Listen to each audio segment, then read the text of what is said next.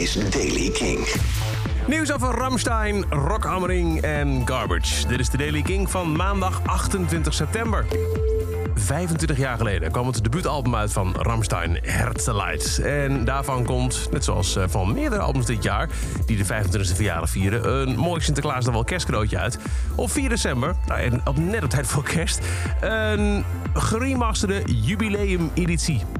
Uh, remaster dus in hi-fi 24 bits. Nieuw artwork.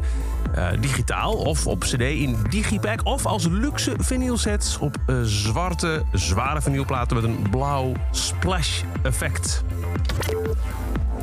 Nieuwe namen voor Rock Amering 2021, zoals Gojira of Mice and Man, Mastodon, The Pretty Reckless en Youngblood.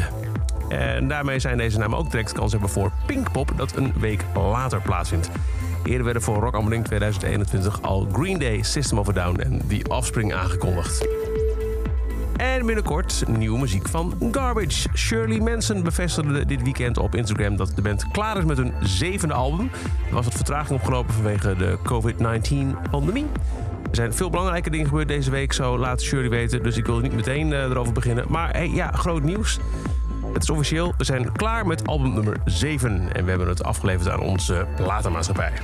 En tot zover de Daily Kink. Elke dag een paar minuten bij met het laatste muzieknieuws en nieuwe releases.